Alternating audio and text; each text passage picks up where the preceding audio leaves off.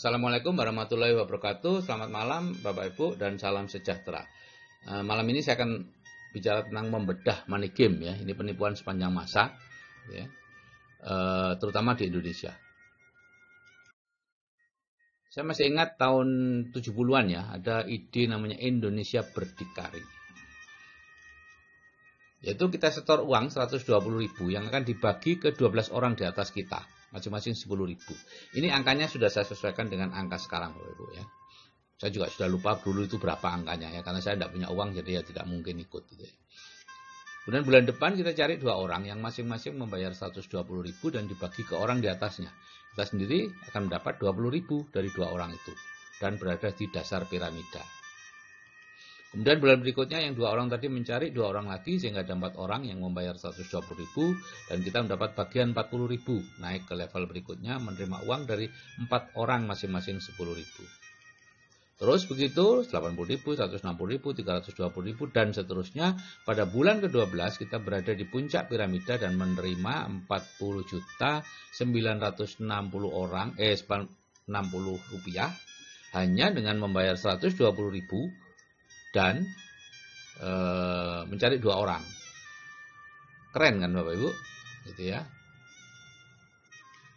Artinya dalam satu tahun kita menerima uang 80 jutaan hanya dengan membayar tadi itu.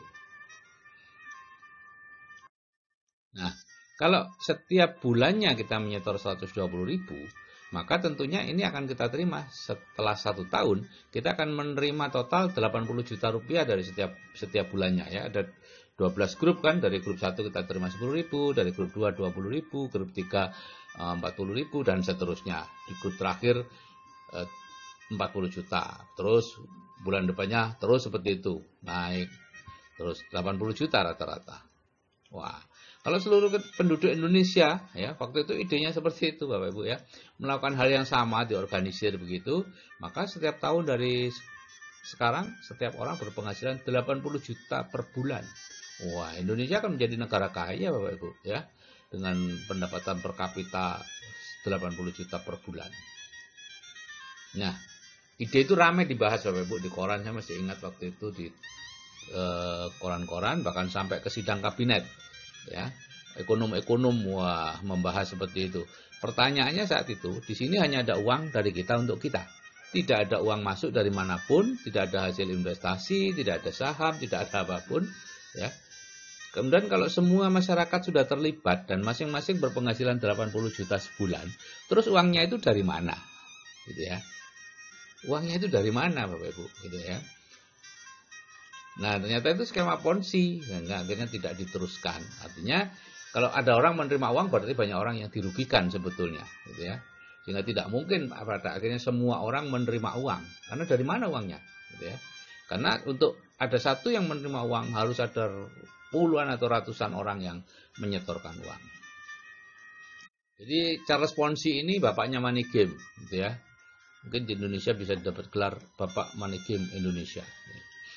Ini namanya Carlo Pietro Giovanni Guglielmo Tebaldo Ponzi, ya, asal Italia. Hidup tahun 82 sampai 94 1949 pindah ke Amerika usia 14-an dan dikenal sebagai Charles Ponzi. Dan dia hidup memang dari penipuan Bapak Ibu. Dia terus menerus melakukan penipuan-penipuan. Bulan tahun 20 itu Ponzi membuat skema yang uh, akhirnya sekarang dikenal sebagai skema Ponzi, yaitu menjanjikan keuntungan bagi para investornya sebesar 50% dalam 45 hari dan 100% dalam 90 hari dari penjualan sejenis perangko yang katanya di luar negeri tiga kali lipat dari harga di Amerika. Nah itu mereka berinvestasi, oh berbondong-bondong Bapak Ibu. Saat itu mungkin tahun 20-an tuh orang Amerika sama seperti orang kita sekarang ya, tidak mengenal investasi sehingga begitu ada tawaran tawaran yang menarik, dapat besar, cepat, aman, wah keren tuh. Ya. Sehingga pada saat terbongkar jadi ternyata tidak ada perangko sama sekali yang diperjualbelikan. Yang ada adalah orang itu mendapatkan uangnya, uang hasil investasinya tadi dari orang yang mendaftar kemudian. Dan semakin lama semakin banyak sehingga lama-lama ya terbongkar gitu ya. Dan sebagian dipergunakan untuk dirinya sendiri. Dan ini merugikan masyarakat 200 miliar. Saat itu uang 200 miliar sangat besar. Ya. Nah, sayangnya ini terus diduplikasi sepanjang masa, mulai surat berantai sampai kalau di Indonesia itu ibadah umroh digunakan manikim Bapak Ibu ya. Jadi aneka skema ponzi zaman sekarang investasi bohong misalnya bodong ya, misalnya eh, dulu ada pomas ya pohon mas, kemudian barusan ini ada eh, apa namanya itu eh, ini Pandawa gitu ya, yang terkenal dia. Kita membayar jumlah uang yang katanya diinvestasikan, kemudian kita dapat uang dari uang kita sendiri, ditambah dari uang orang baru yang berinvestasi. Terus menerus seperti itu, jadi tidak ada investasi sebetulnya. Kemudian investasi agrobisnis ya, seolah-olah perusahaan bisa menjual uh, sayur atau pohon atau kayu atau apa pun, atau pokoknya komoditas apa pun dengan harga jauh di atas harga pasar. Ya.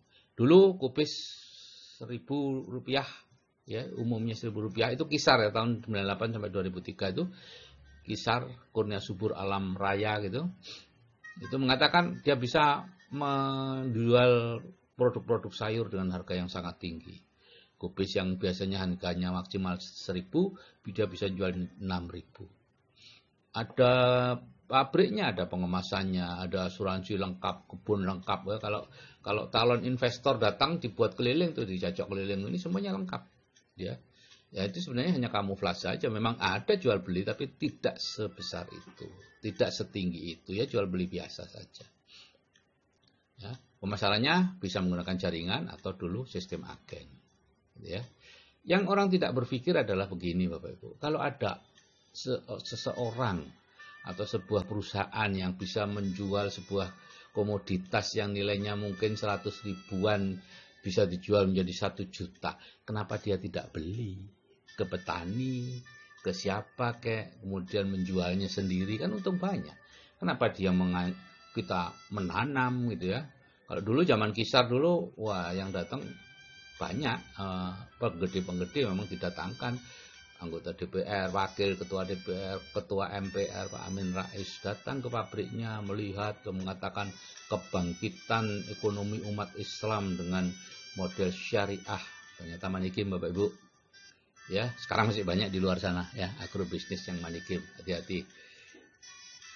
Perjalanan umrah murah ini sudah banyak yang terbongkar ya. Di luar masih banyak juga yang yang masih berpraktek seperti itu ya. Dan kebanyakan pemiliknya hidupnya luar biasa mewah Bapak Ibu ya karena mengambil uh, uang dari calon-calon jamaah itu ya. Ini bisa menggunakan sistem agen, bisa juga model jaringan. Dan biasanya di di apa namanya itu uh, istilah-istilah keagamanya dikeluarkan sedekah, ujroh, macam-macam. Saya tidak terlalu paham ya. Kemudian konsep sistem piramida, ya, model jaringan yang menyaru sebagai MLM tapi tidak memiliki produk atau produknya produk abal-abal. Ini konsep sistem piramida yang dikeluarkan oleh apa APLI ya, Asosiasi Penjualan Langsung Indonesia. Saya ambil dari webnya sana ya. Biasanya biaya pendaftaran keanggotaan berikut paket produk sangat mahal ya. Sekalian jual produk jadi anggota ya. Harga jual produknya sangat tinggi. Biasanya produk-produk ajaib hasil penemuan baru, ya pengobatan eksotik dan sebagainya. Ya, dulu di rumah saya itu banyak eh, apa produk-produk apa pengolahan air dari dari Korea ya. Ada yang air beroksigen, ada air yang dirubah molekulnya jadi seperti itu dan seterusnya. Banyak lah kreativitas. Yang kalau kita minum itu biasanya ada efek placebo yaitu kita merasa lebih baik dan sebagainya. Termasuk juga eh, saya kapan itu ke Cina? Di sana banyak dijual kalung-kalung gelang yang dari keramik itu ya di sana harganya cuma 5 yuan untuk gelangnya kalungnya 15 yuan atau sekitar 15 ribu waktu itu ya Uh, padahal di sini dijual jutaan bapak ibu, katakan dari Jerman, macam-macam lah. Dan saya sering lihat orang pakai kalung-kalung seperti itu. Ya. Kemudian sistemnya dilakukan menyerupai multi level marketing, tapi dengan kaki yang terbatas ya. Kalau multi level marketing yang benar adalah sistem matahari Bapak Ibu ya. Itu yang betul. Yang sesuai dengan syariah Islam ya. Kalau ini tidak ada dua kaki, tiga kaki, empat kaki gitu ya. Karena yang di masuk lebih dulu akan berada di puncak dan mendapat uang lebih banyak. Satu anggota boleh membeli lebih dari satu keanggotaan, disebut coupling atau paket. Kadangkala awalnya masuk dengan paket hemat aja, 100 ribu, 200 ribu, ya setelah itu dirayu untuk menambah paket atau mengganti dengan paket-paket yang lebih lebih baik, lebih tinggi, bisa jutaan, gitu ya. Dan orangnya entah bagaimana dibuat sedemikian rupa sehingga akhirnya merasa beruntung mendapatkan paket-paket membeli paket-paket itu gitu ya. Karena sudah mendapatkan dari yang kemarin oh ya betul kok ini dapatnya sekian. Udah. Ketipulah dia. Ya imbalan diberikan berdasarkan tersusunnya satu jaringan berbentuk piramida dengan jumlah orang dalam format tertentu ya. Ada yang menggunakan kanan kiri seimbang ya. Eh, pair perpasangan dan lain-lain ya. Program pemasarannya pemasarannya skema piramida sangat rumit ya. Titik berat pada recruiting bukan pada penjualan. Nah, ini manegi menurut fatwa SMUI ya, kegiatan penghimpunan dana masyarakat atau penggandaan uang dengan praktek pemberian komisi dan bonus dari hasil perekrutan atau pendaftaran mitra usaha yang baru atau yang bergabung kemudian, bukan dari hasil penjualan produk atau dari hasil penjualan produk, namun produk yang dijual tersebut hanya kamuflase atau tidak mempunyai mutu atau kualitas yang dapat dipertanggungjawabkan. Oke Bapak Ibu, kalau saya yang sudah berumur saja masih bisa terhindar dari money game ya. Anda juga pasti bisa. Ya. Jangan terlalu lapar dengan uang Bapak Ibu, ya. Uh, Oke, saya kira itu yang bisa saya sampaikan. Saya ucapkan wassalamualaikum warahmatullahi wabarakatuh. Selamat malam dan salam sejahtera.